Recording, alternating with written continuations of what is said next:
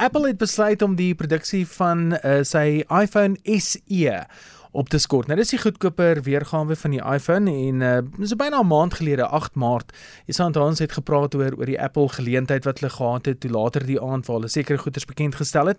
Hulle het op hierdie uh 8 Maart vrystelling 'n nuwe SE telefoon met nuwe binnegoed bekend gestel en dis meer. Maar hulle het nou besluit wie wat ehm um, die produksie hiervan dit gaan nie werk nie. So hulle het hulle produksie afgeskaal tot en met 3 miljoen eenhede wêreldwyd wat hulle nie meer gaan maak van die SE nie.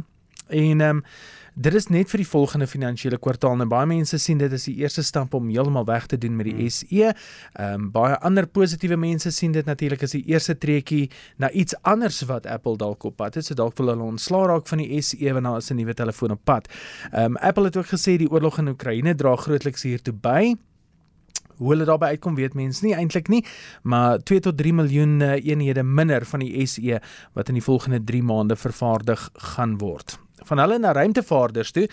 Uh, NASA het aangekondig dat die vier ruimtevaarders wat binnekort van uh, die Kennedy ruimte uh, stasie af of van die Kennedy platform af gaan uh, opskiet na die internasionale ruimtestasie toe sal nuwe valhelms dra. En hierdie valhelms uh, is dan sogenaamde slim helms wat uh, die ruimtevaarders se breingolwe gaan meet terwyl hulle nou uh, in in in die buitenste ruim is en hulle gaan bepaal wat is die uitwerking van die buitenste ruim op die menslike brein. Ehm um, interessante studie uh, wat die uiteindelike doel daarvan is, weet ek nie. Ehm um, heel waarskynlik baie geld daarop gespandeer om die helms te maak vir die ruimtevaarders.